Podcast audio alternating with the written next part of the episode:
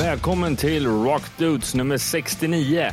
Den här gången har vi faktiskt för mig, ja, en smått legendarisk person vars jag har sett många gånger, framförallt under 90-talet på Hultsfred. Vi pratar om docenternas frontman Joppe Pilgren. Förutom en 40-årig karriär inom musiken så har han även hållit på en hel del med tv. Gjort motorprogram och reseprogram på sitt sätt. Förutom sin 40-åriga karriär inom docenterna så har han ägnat mycket tid åt att främja livescenen genom att stödja den genom diskussioner med politiker för att kunna ge mindre arrangörer bidrag för att få ekonomin att gå ihop. Han har även framträtt en hel del på tv genom eh, olika reseprogram och motorprogram där han gjorde det på sitt egna sätt. Det här blev en mycket intressant intervju. Som han själv sa det här blev väldigt lärorikt. Så helt enkelt, jag tänker nog inte säga så mycket mer än så utan att nu går vi över till intervjun med Joppe Pilgren. Välkommen till ett nytt avsnitt av Rock Dudes. Som sagt var, under min eh, tid från mitt barndomshem nere i Vimmerby så var jag mycket på Hultsfredsfestivalen och ett band som jag kollade på många gånger det var Docenterna. Så att jag tyckte det var jättekul när vi fick tag på sångaren och frontmannen i det bandet, eh, Joppe Pilgren. Välkommen till eh, Rock Dudes. Tack så hemskt mycket. Ja. Mm.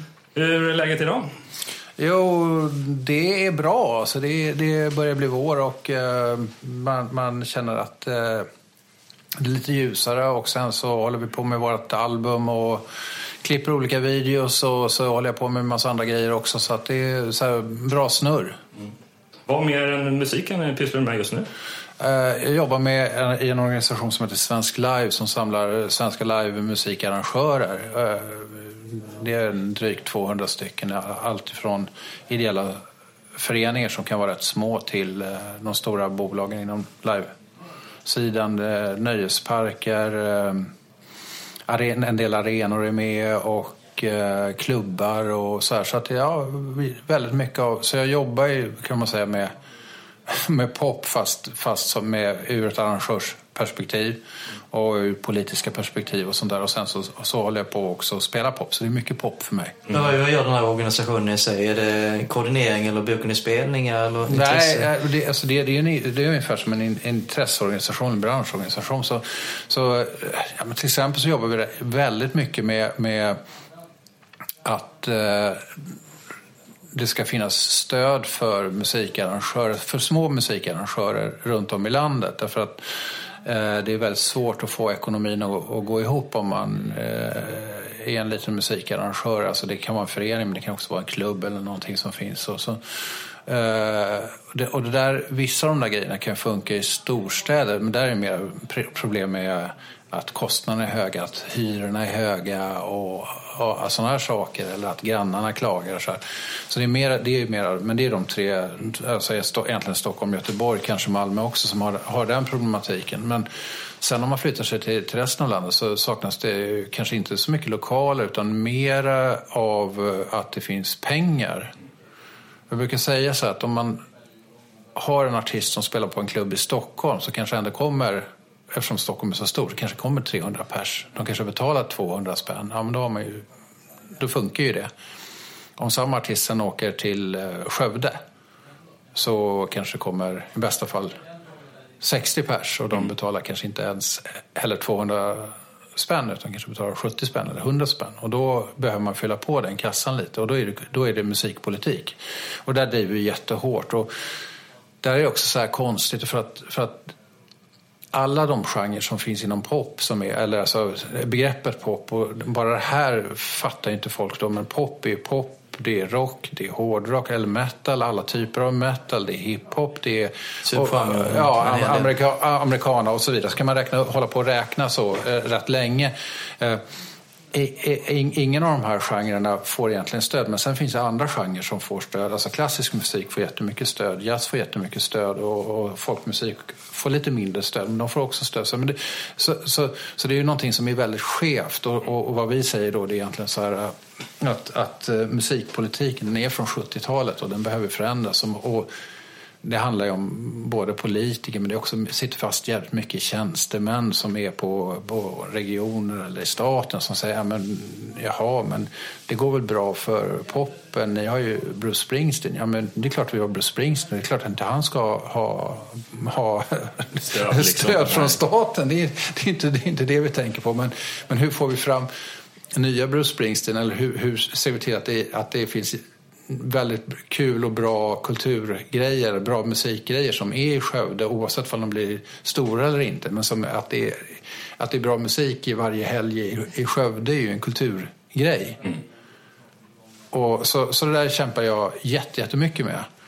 Uh, och hela vår organisation och vi skriver rapporter och vi pratar med politiker och, och sådär. Och Ja, det är till och med på den nivån så de säger så att, att, de, att de börjar tycka att jag är besvärlig. Ja, det är jättebra. Då är det någon som verkligen kämpar för den goda sakens skull. Ja, ja. Men känner du typ att eh, poppen inte får tillräckligt mycket stöd för att uh, utåt sett så ser det ut som att vi är jättestora inom den här genren? Ja, alltså jag tror, man, jag tror att ett, ett, av, alltså ett av huvudproblemen är att man miss, missuppfattar och tänker så här, jaha, men det finns det finns ju massa folk i popbranschen som, alltså på olika sätt, alltså både artister men också bolag och så vidare. Det finns ju ett antal som tjänar jättemycket pengar. Men sen finns det ju ett jättestort mellanskikt eller en lägre skikt som inte tjänar några pengar alls, som har det jättesvårt. Och det är små skivbolag, det är små bokningsbolag, det är eh, massa mindre artister som inte får det hela att gå runt. Och, det, och, och det är ju, och då, då kan ju man behöva tänka sig att, att man behöver hjälpa dem också. Och, det, och, och, och det, det, tycker vi i alla fall. Och det tycker väl egentligen... Jag tror, jag tror att allting bara sitter fast i traditionerna och, men också i den här missuppfattningen. Ja, men pop, det är ju kommersiellt. Och om det inte är kommersiellt, då är det inte bra. Det är ungefär så. Det innebär att det skulle inte finnas all pop som, som eh, finns nu, eller all pop som går bra, det är kvalitet. Och allt som inte går bra är inte kvalitet. Det är ju det man säger då i så fall. Ja. Då, är, då är det inte värt någonting. Men egentligen är ju alltså, högkvalitativ pop inom alla de här genrerna kan ju vara super, super bra, precis som all annan kultur, fast det blir inte kommersiellt gångbart. Det blir inte massa cash av det. Men det kan ju vara superbra. Det kan vara jättebra livespelningar, det kan vara jättebra eh, inspelningar eller så här. Så det, det, det, man sitter fast i någon, någon, någon gammal... Och den där har vi också skapat lite grann själva. För vi har tänkt så här att dels att man innan man håller på med pop att man inte vill, vill hålla på med byråkrati, man vill inte hålla på med politik. Utan vi gör vår egen grej, do it yourself. Eh, Eh, vi skiter i alla de här grejerna. Eller, vi har också ibland tänkt så här att ja, men, går det inte bra, men då får vi försöka göra en hit då. Så säger vi. Men egentligen så kanske man, alltså nu, oss som kollektiv, inte, jag pratar inte om docenten. utan om det som vi inom de här grejerna säger att ja, men det, det behöver Jaha, det, var, alltså det kan vara jättebra men då tänker vi ändå att ja, vi måste få en hit så att det, det funkar. Så vi har, vi har, varit, vi har liksom inte tagit tag i frågan förrän egentligen vår organisation har kommit fram nu. Och vi har hållit på att hacka på det här i några år. Kommer det eh, gå, gå långsamt framåt, men det går för långsamt. Men var det någonting ni ändå upplevde under själva... menar, ni har ju funnits som band i ja, snart 40 år, eller det är ja. ungefär 40 år. Ja, ja. Eh, att det var problem att komma ut på spelningar? Nej, men det, det fanns... Eh, tidigare fanns det eh, bättre möjligheter. Det fanns ändå eh, fler musikföreningar. Mm. Och där finns det ju en annan sån här... Det är också en sån här grej som gör att allting sitter fast. Därför att då ska man starta en musikförening och, och sen så ska man ha styrelsemöten och sen ska man ha stadgar och sen så ska man söka pengar från kommunen och sånt där. Och ett snabbt samhälle som dessutom blir lite rikare och rikare och så här, så, så folk har inte riktigt lust och alltså hela föreningslivet går ju ner därför att, jag menar egentligen om vi då skulle vilja göra en klubb, vi säger att vi vill göra det, då gör vi en klubb. Och sen så eh, hoppas vi att den går runt. Precis. Och, och så här, men vi börjar kanske inte med att vi ska ha en förening och sådär utan vi, vi, vi bokar in någonting och så kör vi. Uh, och då hamnar man ju också utanför de här systemen. Så, så även det behöver ändras, att man, man alltså, hittar lättare former, hitta lättare former att ansöka, hitta lättare... Alltså, ja, det är mycket. Det är jättemycket som behöver göras. Mm. Men för, förutom det jag tänkte på, Sverige ligger ändå ganska långt fram när det gäller studiefrämjandet. Alltså man kan faktiskt eh, ansöka och repa i en replokal. Mm. Det är ju väldigt sällsynt om man kollar på andra länder utanför Sverige. Nu pratar jag ju Norden generellt sett kanske lite unika men Tyskland ser väl kanske lite helt annorlunda ut. Nej, men det, och det har du ju helt rätt i. Och, och, och, det säger vi också när vi skriver våra rapporter. När, när det gäller så här, eh, studieförbund och också sån här, alltså kulturskola så är vi jätte, jättebra. Och det gör att vi får fram en massa olika, eh, alltså massa människor som är bra på att lira, bra på att göra låtar, har massa idéer. Plus att vi har bra också så bra IT-nivå eh, och, och så vidare. Så, så, så allt det där har, vi har skitbra förutsättningar. Men sen då när man kommer upp till att man, har, man lämnar så att säga studieförbundets replokal. Då vill man ju kanske åka ut och, och göra spelningar. Eh, och då finns det plötsligt inte utrymme, möjligheter för att, för att göra det och för, för att få det att gå ihop. Och eftersom jag har hållit på så länge så kan man säga så att det som är någon form av mellanskikt då, det har ju där kan man säga både gager och möjlighet att lira. Det har gått ner jättemycket under den tiden som jag har. Jag har en lång horisont på det här. Och det, så då fanns det, det fanns musikföreningar eller det fanns eh, folkparker som man kunde åka och spela i. Det finns ju inte, ja det finns några stycken men det är inte, jag menar, Förut pratade man om så här, folkparkssommar. Hur ser folkparkssommaren ut? Eh, eller hur ser... Jag har sett, jag har sett sådana här grejer från, från musikföreningen i Karlshamn som har internationella, alltså de backar, där så här, okej, okay, på tisdag så är det Ebba Grön och sen kommer Undertones på onsdag och sen så, alltså, både stora svenska och som är på musikföreningen i Karlshamn eller i, eller i Katrineholm. Eller så, här. så det har ju varit alltså små klubbar, musikföreningar som har funkat jättebra. Och då har de också fått lite stöd för att ja, göra grejerna. Precis, för att idag så blir det som mastodont tröskel någonstans. För det måste nästan till en festival eller mm. stadsfest eller någonting åt det hållet. Och det är det som band idag eh, lever på, att om de ska ut och spela lite fler på sommaren. Liksom. Ja. ja, men då blir det det. Och så blir det de som får bra betalt, de får, får ännu mer betalt. Men, ja. och, och, alltså, det är inte det handlar, det, det, men det handlar ju om att, att, få ett rikt kulturliv men också massa, massa speltillfällen. Eh, och, och det är också så att publiken, är, det är ju en sak för publiken också. för att om, om det bara är en spelning i Skövde, eh, eller säg tre spelningar på våren i Skövde, så kanske det är svårt att hitta till, till den publiken. Så det, det handlar ju om att man gör det repetitivt. Sådär. Det finns ett jättebra exempel. Om du sa i Hultsfred där, så har man ju Hotell Huvlingen i Hultsfred. Ja, Putte har ju fortsatt, han som var med och drev Ja, och han har ett hotell och sen så kör han spelningar där. Han kör ju hur många spelningar som helst i Hultsfred och det borde inte vara möjligt. Men folk vet ju då så här, men okej, vi går till Hotell Huvlingen och kollar vad det är för någonting. Och då blir ju det ett beteende. Ja. Och så, så, och det är någon amerikana på tisdag, men det är klart vi går dit. Har du, vet du vilka det är? Nej, men det ju, brukar ju vara bra grejer. Och det är ju så man behöver jobba. Ja, precis. För att annars så, även om man jobbar lokalt så måste man ju ändå ja, nå igenom bruset någonstans. Och mm. få att folk går ut på det mycket mer. Men, eh... men om man kollar på din kommande skiva, då ser man att det är än så länge fyra spelställen och det är bara storstäder. så att det kollar ja, på. Eller kanske kommer lite mer. Ja, alltså. det kommer komma mer. Men det, det, det, är, det är sant. Vi gör en, en kort uh, sväng i höst med fyra, mm. fyra relativt stora... Ja, det var Stockholm, Göteborg, Helsingborg och Linköping. Ja, ja. Så det, ja, det, det är de... Det är någon tanke bakom det där? Där kunde du ha tagit lite stödpengar. Då kände jag så. så ja. Skövde, ja. folkparken. Ja, nej, men vi, vi, sen kommer det vara lite spelningar i, i sommar också. Jag tror att två av dem har kommit. Vi ska upp och spela på Storsjöyran, vilket vi, jag tror det är det band som spelat där flest, eller jag vet att vi är det band som spelat där flest gånger. En asbra festival i Östersund som Ja, men, och som är grymma. Och alltid jättekul. Husband kan man kalla det snart. Ja, precis. Fast, Resident. Ja, precis. Jo, nej, men så är det. Alltså, nej, men det är ju så att man har ju lärt, jag, jag jobbar ju även med, med, i mitt jobb väldigt nära dem och sådär. Och det är ju alltid, det är jättekul. eh, Det är jättebra typer och, och asskön festival. Så att, och sen Jo, så, Jonas följer er eh, galant eh, med Hultsfredfestival. Så jag däremot är lite yngre än eh, Jonas. Men jag ser här, bland mitt facit, är att första skivan släpptes 1980 när jag föddes. mm, okej.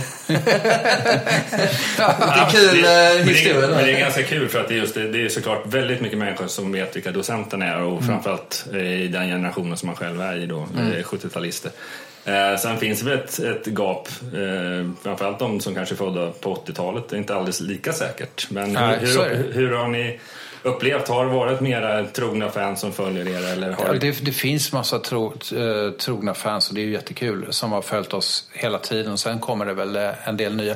Jag tycker, där kan man säga så här, jag tycker att det är, är intressant med, med alltså den, man kan säga mycket om den digitala tekniken och Spotify och bla bla bla sådär. va. Men, men det är ju fantastiskt att, att nu till exempel när vi släpper det här albumet att, att vi bara kanske eh, fixar några länkar och sen så kan man komma åt hela vår katalog. Så, så det, om de lyssnar på en av de nya låtarna eller någon av de gamla låtarna så finns ju ändå så finns ju plötsligt jag vet inte hur många låtar vi har släppt, men det är i alla fall mer än 150. Så finns det väl 150 eller något plus låtar att lyssna på. Och det är ju, det är ju en möjlighet för, för de som inte då... Ja, om det är någon som är intresserad så kan man ju plötsligt eh, surfa in och kolla vad, vad det här är för något. Det är ju, det är ju rätt fräckt att man kan upptäcka musik på det sättet, tycker jag. För min egen del är det så att typ, jag känner till låtarna, hitsen som jag har eh, skrivit, men inte själva bandnamnet kanske alla gånger. Nej. Eh, hur kändes det liksom att släppa sin första hit? Det var ju liksom aldrig planen, men märktes det någon skillnad? Kanske där ute, när det väl kom ut? Ja, det blev ju jättekonstigt när, när, om man backar tillbaka till den tiden. Vi hade väl, liksom, so, vi hade väl egentligen flera hits, men Solglasögon, Bensin i blodet, Chicky Chack. Eh, som blev stora låtar, eller hits. Eh, och då var jag kanske ja, runt 20.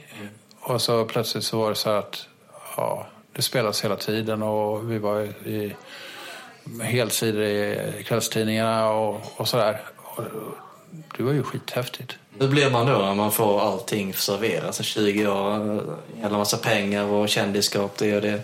Alltså, jättemycket pengar var det inte, men, det, men det var ju, visst, alltså, det var ju så. Det, det, det var ju så. Dessutom var ju alla pengar cash på den tiden. Så att... Eh, ofta, Alltså cash, cash i näven menar du? Eller Ja, gagemässigt så? ja. Nej, men så, sen så man, man, man gjorde så, man, man, man, man, gjorde, alltså, man gjorde en skattedeklaration och sådär. Sen så tog man ju pengarna, man fick ju en bunt pengar som var några centimeter tjock efter varje ja. spelning. Så då kunde man känna sig rätt rik för att om man har varit ute då i fem dagar eller någonting eh, så, så hade man ju en jättetjock bunt pengar. Nu, nu är det här preskriberat så att eh, skattemyndigheten kommer inte var- jaga pengarna på Nej, 70-talet. nej, nej, men, men, nej, men eh, jag tror att eh, man överdrev oftast reseersättningarna och och det, Ja, ja. det är väl preskriberat och det var kanske inte helt okej. Men, men, men annars kan man säga att att man, man fyllde i såna här skattelister och, och så här. Men sen fick man ju pengarna kontant. Så, att, så, så det var ju då någon av oss som ställde sig i bussen så stod alla liksom runt omkring. Så, så, eller man la ut höga på, på bordet i turnébussen. Så bara dang, dang, dang, dang, dang, dang, dang, dang, dang. Så fick vi alla varsin hög. Och sen sparade man några centimeter cash till nästa gång man skulle åka ut för man ville köpa diesel och lite annat. man räknar inte pengar, man räknar centimeterna på bunten. Nej, men, och det var faktiskt centimeter för, det, för att det var ju då så här, det var ju ibland så eftersom man fick, man fick ju ofta från, från kassan i, i dörren så det kunde ju vara olika valörer. Det var inte så att det var vad, var den största valören? Det? Hade man tusenlappar då på Ja, den tiden? tusenlappar hade man och sen eh, hade man väl hundringar och femtiolappar och jag tror till och med tio. Tio var ju sedlar. Ja, men det var ju sedlar då. Man inte räknat centimeterna, det är tusenlappar. Man börjar om det är tio. Det Nej, men man säger att de, där buntarna så var det, det var ju lite olika 50-lappar och, och, och alltså, det Ah. var så, men, men det var, det var det var, det kunde vara rätt mycket cash. Sånt där existerar inte idag. Nu är allting det- typ eh, cash, swish och ditt döta. Men jag vill ändå tillägga så att det, det har inte ändrats så illa mycket som dåtida nu. För att jag tror inte så många som rapporterar merchandiseförsäljning. För ganska mycket är så kontanthantering ändå till viss del. Beroende på var man är i landet och utomlands. Vi, vi har varit väldigt dåliga på merchandise. Men, men visst, alltså, visst är det så att, att, att man kan tänka sig att... Hur kommer det sig att ni var dåliga på merchandise? Inget intresse att göra t-shirt med docentens eh, logotyp? Jo, men det har väl funnits det. Men det är oftast kanske någon annan som har gjort det. Eller sådär. så att vi, vi, har, vi, har, vi har inte varit särskilt... Uh, nej, men vi har inte... Vi har varit dåliga på det bara. Och sen så är det så att, att merchandise och hela den kulturen av att man säljer grejer efter spelningar och så här. Det är, det är, I Sverige är... Det, det gjordes inte förut. Nej, det kom mer senare på framåt 90-talet kanske? Ja, eller? precis. Så, så, så vi kom inte från, från från allra, från allra början så, så, så gjorde vi vi hade ett eget skivbolag som hette Jäktskivan. Mm, det har ingen aning. Ja, och då släppte vi våra första två singlar där. Och de, de, de sålde ju jättebra, men de sålde vi också själva. Så, och då var det så att, att typ att jag kommer inte ihåg, men när vi skulle vara ute på krogen eller någonting, då tog vi med några singlar. Så var det så att typ att två singlar räckte nej, tre singlar räckte till två eller om det var två singlar som räckte till tre. Jag kommer inte ihåg men det var mm. ungefär så. så att så man skulle gå ut så var det ingen cash. Då, så hade man med sig så tio singlar och sen så, så sjöng man ju hur låtarna var och sa så här, det här är en jättebra singel, vi heter Docent Död. Eh, vill köpa den. Uh, jag vet inte, vad är det? Han så här. Nej, nej, nej. Lyssnade till Sven Jerrings röst. Lyssnade till Sven Jerrings röst. Farbror Sven, farbror Sven. Vi hör din röst och skakar till. Lyssnade till... Så gjorde vi så. Och sen så, är det klart att inte folk orkar höra på det så jävla länge. Va? Så då köpte de en singel och sen så, så, så, fortsatte man så. så. Så det är nog rätt många som köpte de där singlarna som, som inte vill ha dem. Alltså, nej, men vi, nej, men det, det, det, nej, men så vi hade det om vi skulle lyfta, lyfta till Göteborg och kolla på någon gig. Liksom. Så, så tog vi med singlar och så sålde vi så klarade vi oss på det sättet. Du hade någon form av business mind ändå kan man säga. Ja, det, var, det hade vi och det var ju också rätt bra för att det var basisten eh, Larry, han, han, eh, han är släkt i Sala.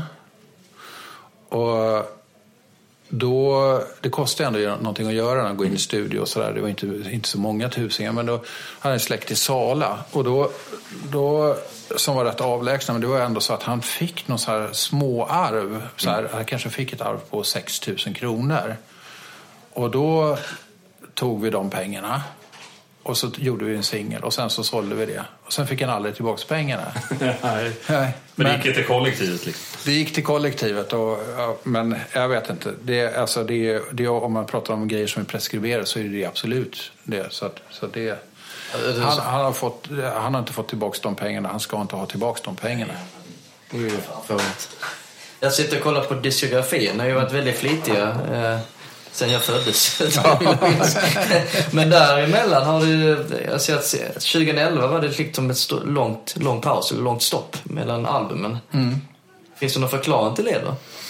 Jag tror att det var, var det inte något stopp innan dess också? Eller 20... Jo, men nu pratar vi om 2011 till 2018. Det är sju års mellan eh, ja, det längsta breaket om man kollar på ja, ja, albumsläppen. Ja, det, det finns flera förklaringar till det. Det ena är att det ena är att alla jobbar med massa olika grejer och att, eh, ja, och, och så här.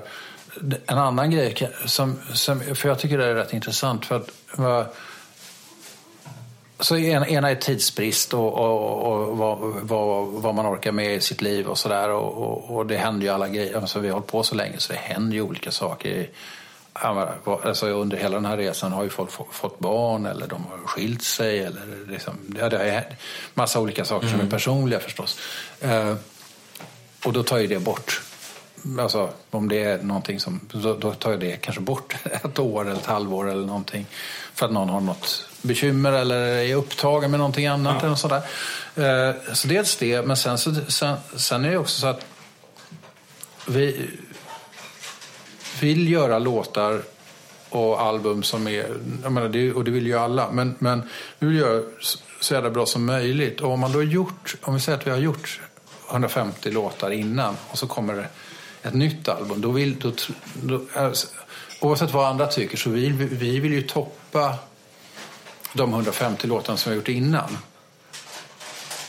och då blir ju egentligen, då kan man säga, det blir, kommer ju bli svårare och svårare och svårare att göra det.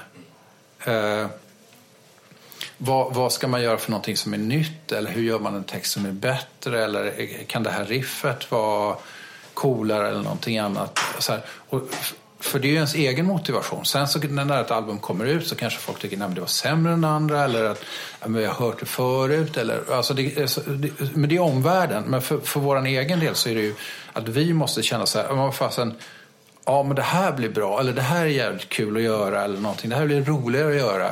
Att vi måste i alla fall tro att det blir roligare och bättre än vad det var förra gången. Och då, då blir ju, ju mer man har bakåt, ju, ju besvärligare blir det. Liksom. Det, det måste ju vara samma sak om man var fasen som helst, om man är bildkonstnär. Och så här, nu har jag gjort 200 målningar, okej okay, men hur ska jag toppa det? Mm. Ja, det handlar lite om kreativiteten också. En ja. hel del. Ja, ja, det och, finns och sen, ingen tid. Nej, och sen, och sen det där med att... Alltså, och det kan man ju så här, och hade man haft som, som heltidsyrke på det sättet, då hade man nog så här, ja, då hade man nog tvingat sig själv till att göra det i snabbare takt. Eftersom det hade varit ens hela jobb. Men nu kanske det är så att man väntar eller ser eller är det någon som har någon bra idé eller sådär. Och, så. Men det här senaste albumet har ju varit väldigt, där har vi jobbat på lite, lite annorlunda sätt. För eh, min brorsa Kricke som spelar trummor, han bor i Schweiz. Och då är det, det är ju lite svårt att... Förut har vi repat så här ett par gånger i veckan. Det har vi gjort egentligen ja, hur länge som helst. Då. Eh, och den här gången så, så gick det inte att göra på det sättet. Och det, det var jävligt bra för att Eh, då gick vi rakt, vi har liksom gått nästan rakt in i studion. Vi har testat låtarna lite sådär, sett och testat och provat lite. Men Sen har vi bara gått rakt in i studion så lyckades vi hitta en jättebra producent som heter Daniel Bengtsson. Och, eh, så vi gick egentligen, vi, det här albumet började med att vi, vi hyrde in oss i en studio och sa till eh, Daniel så här, men kan inte vi vara i din studio, spela in lite så får vi se, vi kanske kommer ut därifrån med några bra skisser. Och så gick vi in där och var där kanske fyra dagar så kom vi väl ut med så här typ sju låtar. Mm -hmm. Som, ja, de var inte helt klara då. För att det, men alltså sju grunder med, med sång och alltså i alla fall stödsång och en bra början på, på sju låtar. Så körde vi, bara, körde vi bara på på det sättet hela tiden.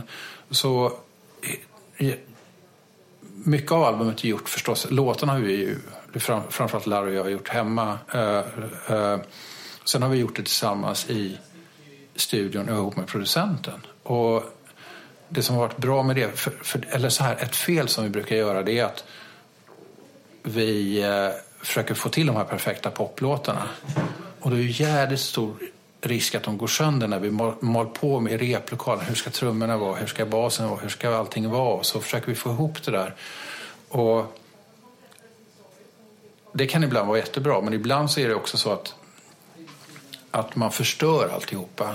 Därför att eh, därför man håller på för länge eller för mycket eller man håller på med fel grejer. Och då var det skitbra att ha den här Daniel. Så att, så att från att vi bara försökte vara i hans studio så blev det plötsligt så här, men här har vi den perfekta producenten. Det var en jättebra studio. Den låg ovanför för gatan så att det, man, man fick eh, dagsljus, i alla fall när det fanns dagsljus så man orkade längre dagar. Och så, så det var så, så jävla, jävla bra att, att vara i, i, den, här, den där miljön. Det var en väldigt kreativ miljö och, och eh, man fångade låtarna. Alltså låtar är ju låtar har ju en peak. När man gör låtar så har de, känns det som att de har en peak. Och man vet aldrig riktigt vad den är. Är det liksom första repet, den är jättebra, eller är den jättebra efter sju rep eller något sånt där. Men vi lyckades nog fånga in låtarna där de var som bäst på det här sättet. Kan det här innebära att det här docenterna 2.0?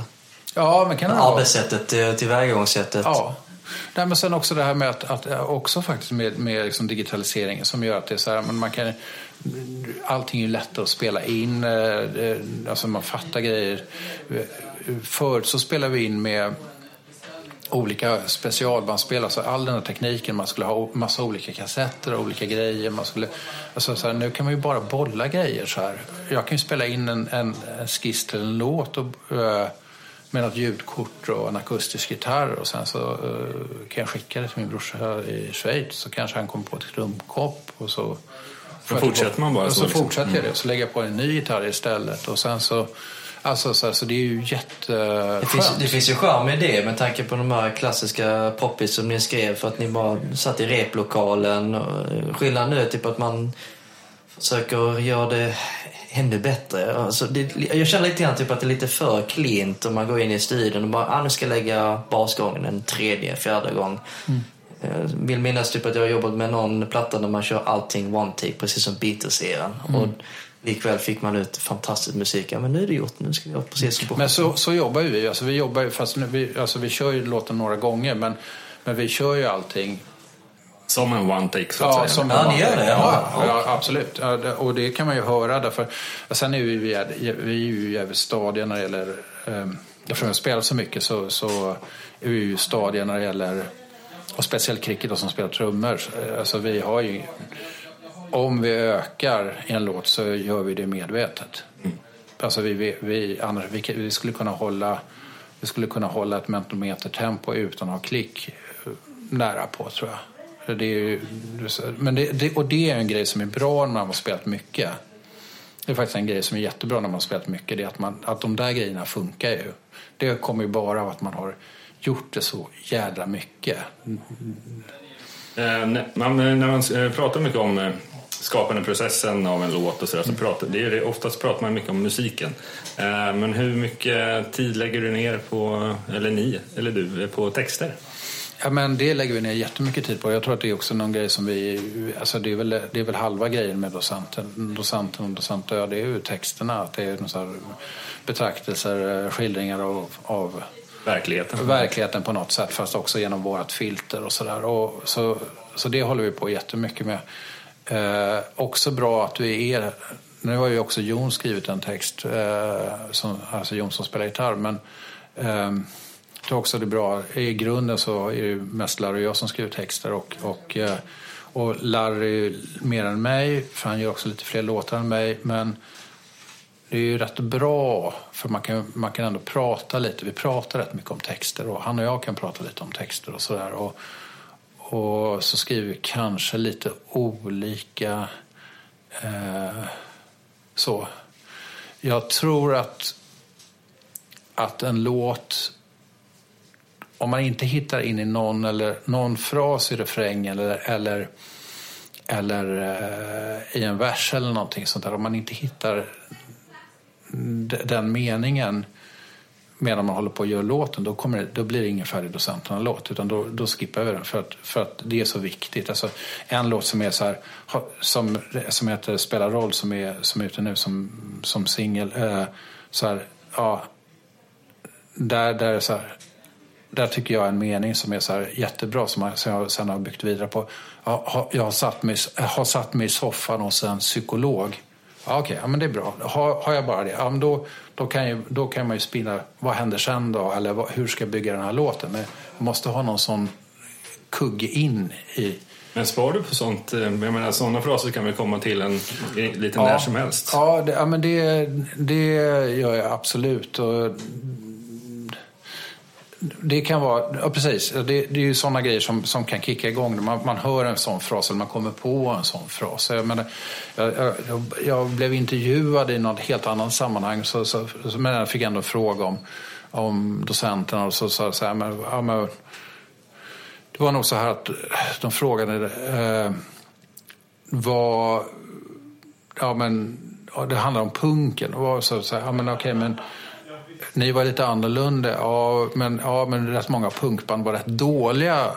Det var också så här bakåt i historien. Ja, men, och det var ju så. De hade inte, de hade inte låtar så att de kunde fylla en hel spelning om man ska vara lite ärlig. Utan det kanske fanns i bästa fall tre låtar. Sen var det bara eh, ett jävla oväsen.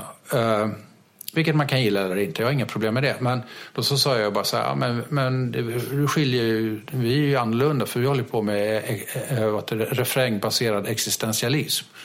Ja. ja, men och då kände jag så här, alltså det sa jag ju bara av, av så här, men då, sen så har det nästan blivit så här, okej, då, så, då, i presstexten runt, jag har aldrig använt det i, i, i, i någon poptext, men det blir ju bara så här, refrängbaserad existentialism. Ja, det tycker jag, jag gillar det. Ja, Den nya plattan heter Krit, strecksränder och missiler. Det var lite mm. svårt att uttala det första ja, ordet faktiskt. ja, den är ju jävligt jobbig den titeln, men den är också bra. Vad är tanken bakom den titeln då? Är det, eh, jag sitter och tänker på Nordkorea nu, USA och allting som händer runt omkring med ja, krig. Och... ja, nej, men det, det, det är ju precis det som, som vi tänker på också. Uh, det, det är ju så att när vi spelat in det här albumet så under ungefär en tvåårsperiod då, eller någonting sånt där så har ju all, allt det här hänt. Just det. Och en morgon när vi kom till studion så hade ju Trump blivit vald till president. Och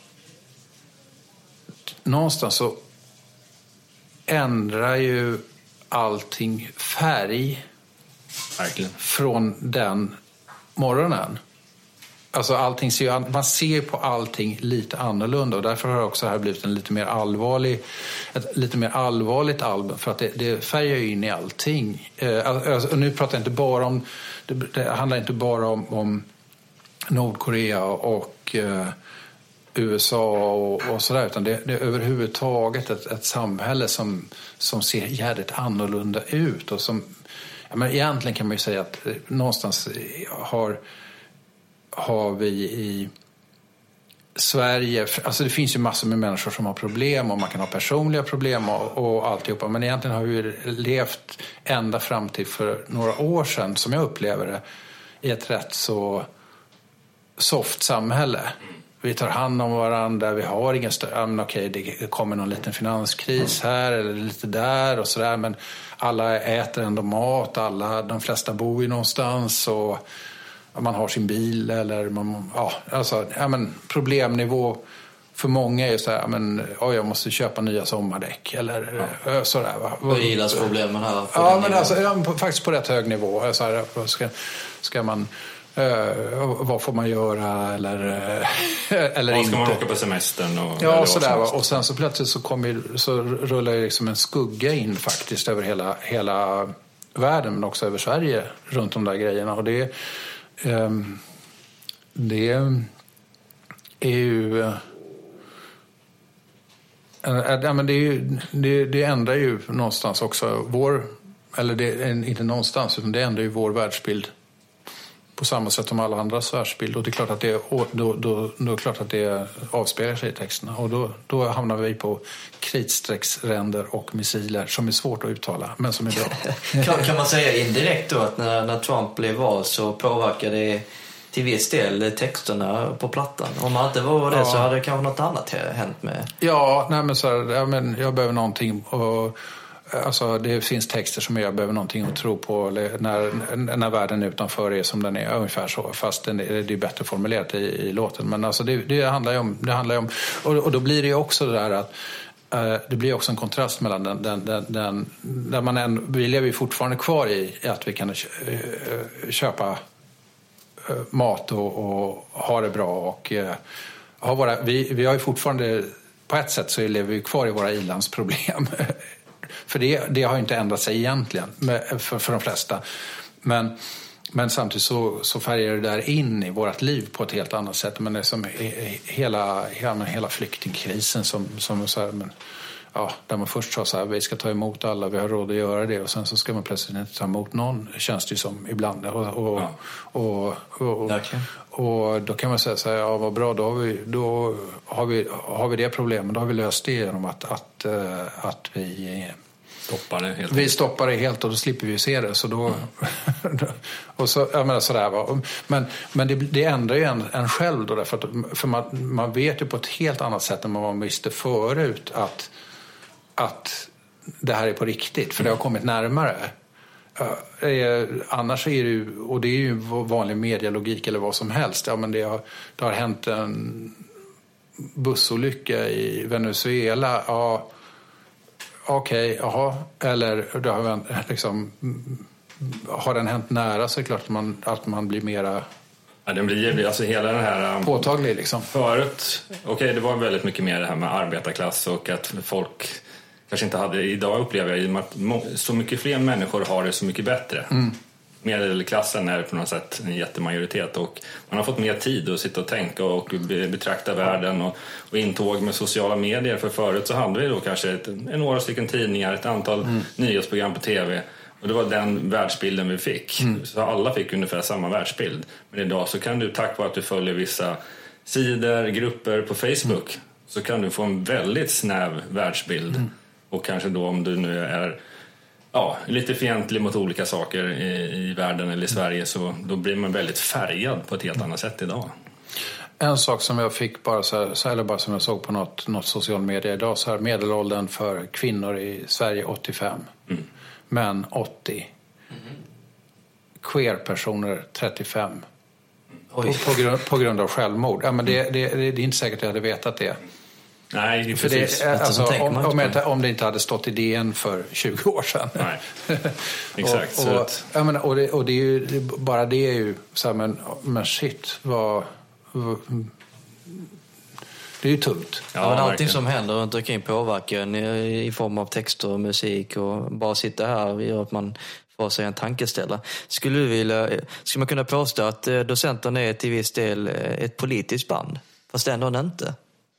Jag tror ju att vi, ja det, det, måste man nog säga att vi är ett politiskt band fast vi, vi är väl väldigt noggranna med att inte ta det så här, Som fanbärare kanske? Nej, för fanbärare för någonting och sånt. Det gäller ju många artister. Man vill inte, mm, man vill inte vara... Eh, man, man, går inte ut med vilken färg man har på Nej, inte så. Men däremot kan man ju säga så att eftersom vi alltid håller på med betraktelser så, så är det klart att man eller att vi är... Eh, att det finns någon form av politik i det hela. Men mera som vilken kulturarbetare som helst. Om man sätter upp en teater eller skriver en bok om någonting så blir ju det politiskt också. Man, man, man berättar berättelser om eh, men det handlar ju om åsikter egentligen också mm. någonstans. Mm. Men vi, de är ju, det är bara att de inte är förpackade enligt parti, eh, politiska partier utan man, man, gör, man gör det ju ur någon form av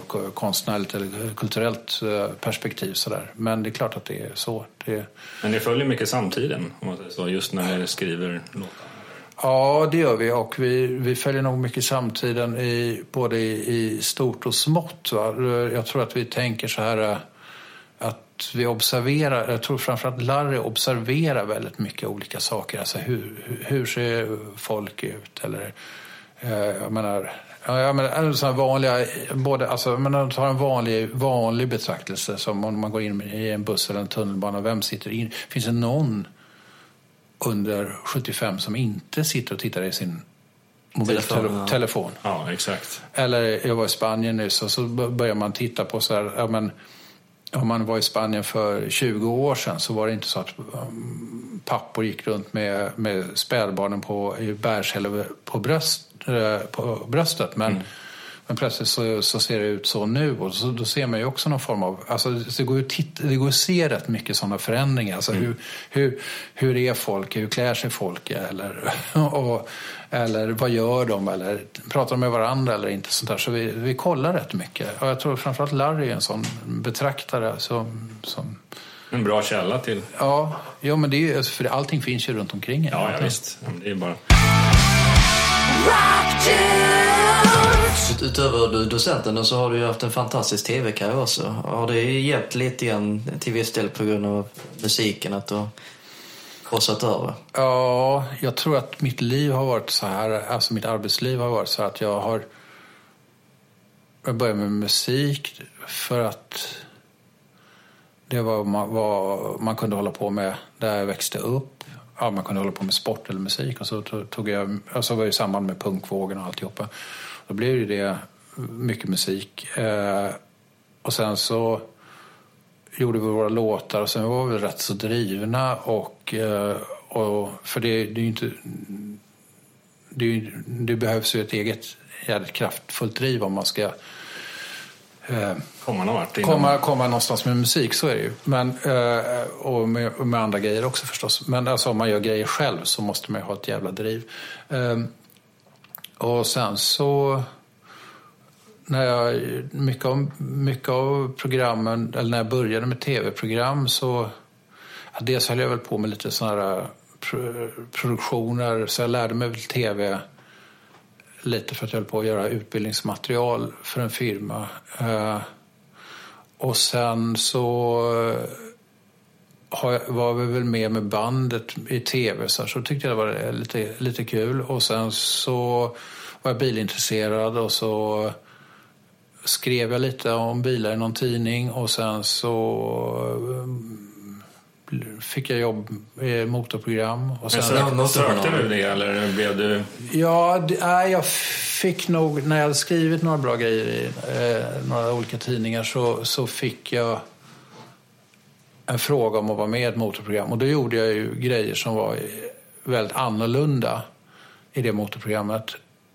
Och då höll jag ju på att bli sparkad efter första halvåret. Alltså. Ja. Att det var skriverier så om, på vilket sätt var det annorlunda? Nej, men jag gjorde, jag gjorde bilgrejer som inte var som klassiska teknik, eh, grabb, gubb grejer. Ja, men hur, hur, många, hur många hästar och uh, vilken typ av däck och sådär. Utan mera så här, ja, här har vi en Renault, det är en folkbil. Och uh, varför den har en så svag motor beror på hur... Vi ifrågasatte ganska mycket ja, på bilmärket, ja, tillverkarna.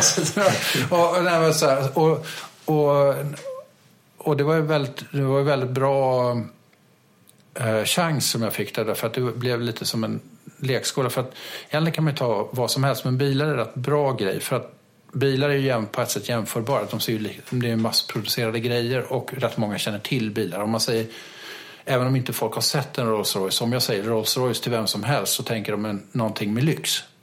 För, för, för det, eller om jag säger Folka så tänker någonting, någonting annat, vad, vad folk nu tänker om det. Uh, och då gick det att spinna på på ett jävligt bra sätt. För man, om, om man bara hittar olika infallsvinklar på det så kan man prata företagsekonomi eller design eller nationalekonomi eller sociala faktorer eller sånt där. Och då blir ju allting plötsligt intressant i ett... Då blir ju, då, då blev ju det... Då blir ju själva bilen bara en, en, eh, ett verktyg för att berätta en historia om hur det var i kanske östra Tyskland och varför de gjorde bilar av blandat papper och plast i form av trabanter och mm. Eh, att det var långa köer till de trabanterna och samtidigt kunde man köra runt i den där eh, trabanten och berätta om det och eh, sådär. Och då, då blev det då blev det plötsligt rätt mycket så först höll jag på att bli sparkad där men sen så så fick jag ändå vara kvar och så, så blev det så att det växte en publik som tyckte att det var jätteintressant. Så plötsligt var det så att Först var det bara killar som hade satt på det där motorprogrammet. Och så plötsligt så ville det, de killarnas tjejer kolla på motorprogram för de ville kolla på mina inslag för att de tyckte att, de var, att, det, att det fanns någonting annat. Och, och, därför så fick jag vara kvar och sen så snurrade det på rätt många år. Och sen tyckte jag att, och sen utifrån det så började jag jobba med UR-program och lite andra eh, så här tv-program. Det här programmet var ju väldigt eh, populärt, eh, vill jag minnas. Det var ju före ja. din tid, för att nu finns ju något liknande som kör samma recept, så att säga. Med det här brittiska eh, tre nissarna som har sålts i Amazon. Jag har glömt bort vad det heter. Men... Ja. Top Gear. Top Gear bland annat. Som är, det är de... Ja, men vi var ju så någon, någon sån här, alltså man, man, man gör andra grejer runt det hela helt enkelt. Och det, ja, men det, det Ja, var det format som du hade funderat på eller blev det mer för att du hade lekskola så lekte du fram själva? Jag, jag, jag tror att det... Jag, tänk, ja, jag tror att det handlar mycket om kreativitet. Att man säger, vad, vad, vad, okay, men vad, vad är det för någonting jag ska göra här och kan jag göra någonting annorlunda? Därför att, men egentligen är det så här, kreativitet på ett sätt är det ju jävligt basic. Och ibland så skulle man tänka så här, om man tar, om man tar konst då, så säger man så här, en sak som man alltid, eller jätteofta leker med i konst, det är så proportioner. Och ibland kan jag tycka att det är astråkigt. Man gör en jättestor stol och en jätteliten människa, eller en jättestor människa och en jätteliten stol. Eller vi, vi gör en vi ska göra eh, en ko och den ska vara 15 meter lång. Ja, men på ett sätt så är det, det är så basic, men egentligen är det ju mycket kreativitet. Det är ju ändå att vrida och vända på alla, alla grejer. Då kan man vrida på proportioner, man kan vrida på färger, man kan vrida på berättelser, man kan börja, man kan börja från slutet eller man kan börja från början och sådär. Och, och jag gillar väl att hålla på med sådana såna grejer så jag tror att det, det handlar mycket om, om det. Och jag tycker inte det, alltså det har man väl börjat med det, eftersom jag har hållit på med det så länge med poplåten så, så, så är det någonting som, som jag tror bara finns i mig på, på något sätt. Det fanns, fanns till och med likheter med att skapa en poplåt som att ja, producera det, fram ett tv-program så att säga? Ja, jag tror att det, det, jag tror att det är mycket så. så att, ja, men, ja, men just där, hela kreativa processen är så här, man testar det här, man testar tvärtom, testar tvärtom fast tvärtom fast tvärtom och så nej, men då är vi tillbaka till starten, vad bra och så kanske då säger man, ja, och då hamnar man i, ja, okej, bra vi gör det här jätteenkelt eller vi gör det här på något annat sätt. Så, så, så det finns ju någon sån här snurr som, som, som eh, som funkar helt enkelt. Men Från eh, svenska poppis till eh, kända tv-program från, från, min, min era som jag fortfarande kommer ihåg lite grann. Packat och klart, Motorjournalen. Men du har aldrig haft ett musikprogram? Nej. Redigt? Det har aldrig varit ett intresse för det? Alltså jag lyssnar inte så jättemycket på musik. Ja, men man kunde spinnat vidare och gjort någonting helt annorlunda, som att man lyfter fram, men... Ja, ja. Berätta en story runt. Ja, ja, ja, visst. Och det, nej, men det, det, skulle man, det, skulle vara, det skulle kunna vara jätteroligt. Och, men då skulle man också tänka så här, då skulle jag nog, om jag bara tänker högt nu, då så skulle jag börja kunna säga, okej, okay, första programmet handlar om plektrum. Och Precis. sen så börjar det så här, okej, okay, hur kastar man bäst ut plektrum i publiken? Och sen så skulle det fortsätta därifrån. Det finns säkert ett VM-plektrum skulle jag tippa på. Hur gör man det fräsigaste loggan på ja, ja. Det hade varit intressant för Collin faktiskt. Jag tror med tanke på under den tiden så fanns ju alltid från Ja, nu tänker jag voxpop och sånt där. Mm. Det kan inte ha varit klockrent eh, som programledare med tanke på att det är...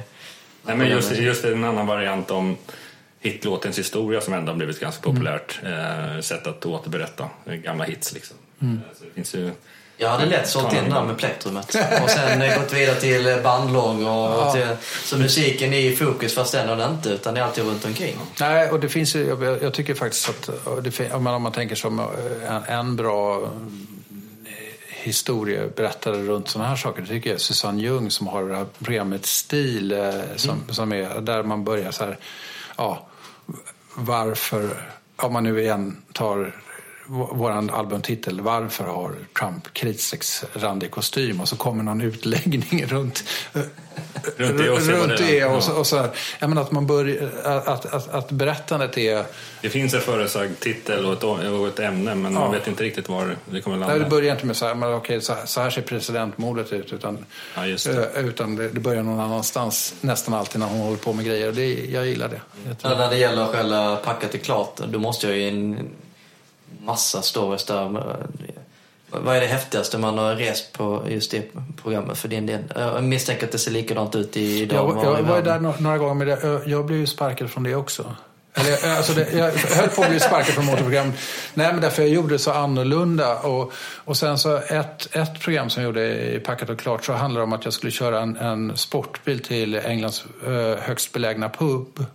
Jaha, var var det någonstans? Det här eh, minns jag. Men... No, det var, det, var, det var, jag kommer inte ihåg exakt vad det var, men det var i alla fall, det, det var det. Och, och så, så körde jag runt där och eh, så bodde jag på någon gård och sådär. Och, och, jag vet inte ifall det var bra eller inte, men, men eh, sen så körde jag upp till den där puben och så är det här tv. Och och sen så, vad gör man på en pub då? Så hälsade jag på några hundar som var i puben och sen tog jag en öl. Det var ett jäkla liv efteråt? Ja, och sen gick bilen ner i svart och sen så ser man mig köra därifrån. Och då blir det tittarstorm därför då säger så här, han dricker öl och kör bil. Mm. Exakt. och inslaget var 12 minuter eller något sånt där. Ja. Och då då, jag tror att det var någon sån nykterhetsrörelse som hade bestämt sig för någonting. Så, det, var, så, här, så det kom in några hundra mejl om, om, om, om det och det, då blir de jätterädda på, på SVT. Mm. Eh, och istället för att förklara det att allt, om man, om man gör jag, att jag inte hinner köra och dricka öl. Eh, att det kanske till exempel när det går ner i svart så kanske det har gått en hel natt innan jag kör iväg med bilen. Eller jag kanske till och med spelade in att jag körde iväg med bilen innan jag hade... Så SVT backat ut det på det sättet? Nej, nej de backade inte upp mig alls. Ja, det, var tyckte det, det var så att, att, att, det är ungefär som att det var du som satt vid klippbordet och klippte. Minns du vilken bil det var då?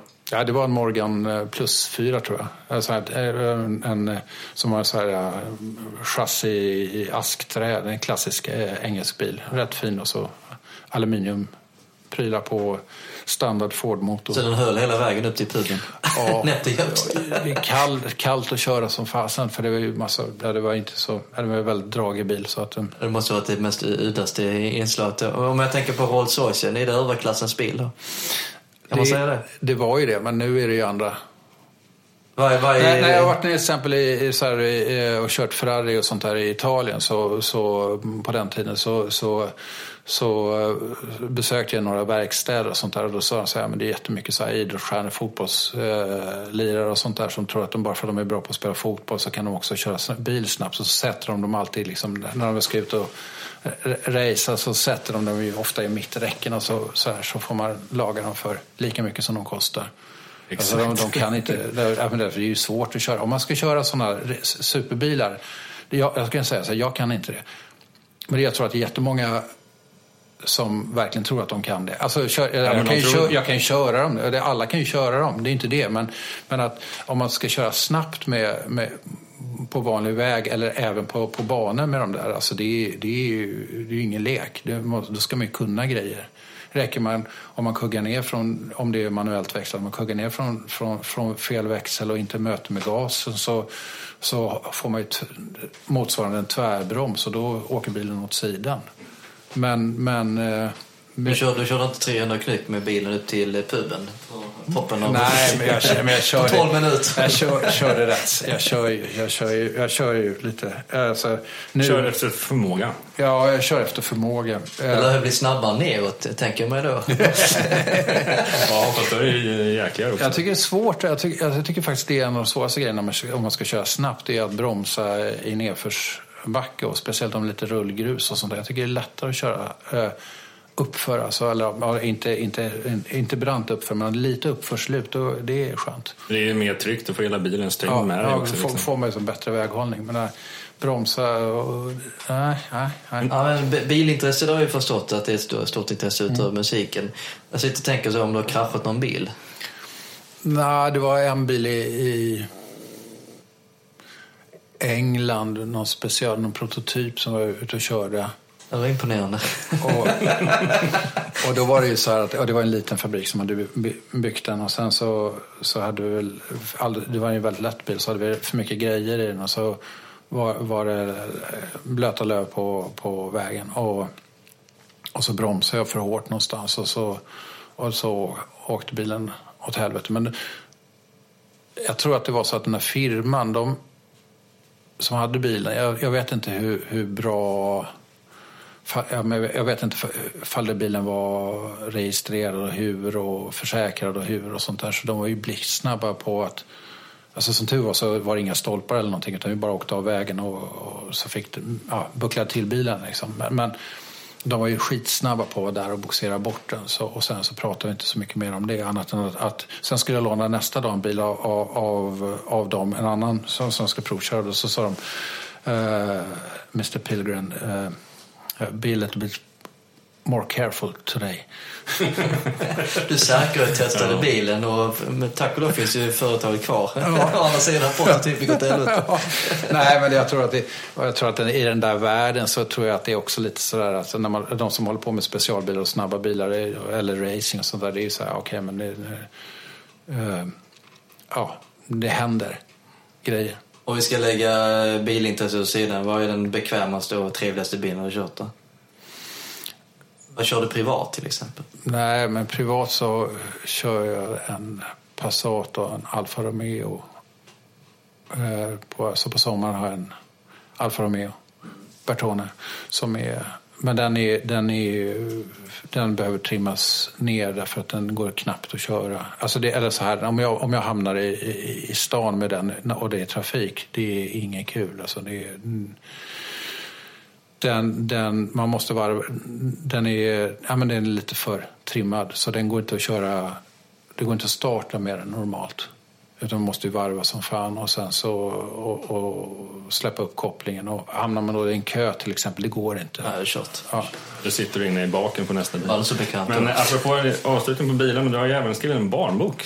Ja, ja. Farbror Joppe kör fel. Ja. Det är mycket så här köra till destination och alla program har en röd tråd känner jag. vad, vad fick dig eh, att göra det? Eh, ja, det, det var faktiskt att jag fick en fråga från, från ett förlag. Så här, kan inte du göra en barnbok? Och sen så höll jag på. Och sen så, så, eh, Eh, så tyckte jag att det var kul. För det var, framförallt tyckte jag det var kul med att göra bilder. Så, här, så det är en massa collage i den. Och så här, så, och, och det var kul att prova att göra en barnbok. Och så tänkte jag att att jag skulle göra en barnbok som funkar, alltså där man både kan läsa den om man är ja, sju år eller något sånt där. Eller fem, mellan fem och tio år. Och, men att det också skulle bli som en pekbok så att man bara kan bläddra igenom och säga så här, det är rött och grönt och blått och sådär. Så det är rätt mycket färger och sådär. Alltså, Ett stort eh, åldersspann så att säga. ja, men jag tyckte det var kul att göra någon blandning av, alltså en blandning av pekbok och, och någon story. Sådär. Ja, jag tycker vi har fått, det har varit extremt intressant och framförallt gör du djupdykningar i alla de här olika delarna du har jobbat med. Du har ju mycket åsikter om saker och ting. Så, Vilket är bra. Det, ja. så jag vill, vill tacka dig så jättemycket för att du har varit med i våra Är, program. är det över? Ja. det är helt över. Nej men gick shit, vad, vad tiden går. Ja, vi har på en timme. Ja, men, Okej. Ja, grymt. Tack så hemskt mycket. Jättekul att vara med. Tack kära lyssnare för att du har lyssnat på Rock Dudes nummer 69. Vi vill verkligen tacka Joppe Pilgren från Docenterna för en fantastiskt kul och intressant intervju. Det är alltid så kul när så erfarna människor vill dela med sig av alla sina erfarenheter, eller hur? Du får inte glömma bort att följa oss på våra sociala medier som Facebook, Twitter, Instagram och Youtube. Sök på Rockdudespodden. Vi vill gärna att ni går in på vår Facebook-sida och skriver lite kommentarer vad du tyckte om just det här avsnittet eller vad du tycker om vår podcast. Vi vill såklart få väldigt mycket tips om vilka gäster eller ämnen du vill att vi ska prata om i framtida avsnitt av Rockdudes. Gingen är inspelad av Jonas Hermansson, Peter Månsson och Mia Coolhart. Och avsnittet är inspelat och redigerat av Jonas Löv. Och vi vill tacka just dig för att du har lyssnat på Rockdudes med mig, Jonas Löv och Ömer Akai. Nästa avsnitt av Rockdudes då ska vi återigen titta lite i bakgrunden av musikbranschen. Då ska vi prata om musikproducentrollen och hur det är att vara ljudtekniker. Och vem gästen blir, ja det får du hålla koll på i våra sociala medier. Fram tills dess, rock on! Rock dudes!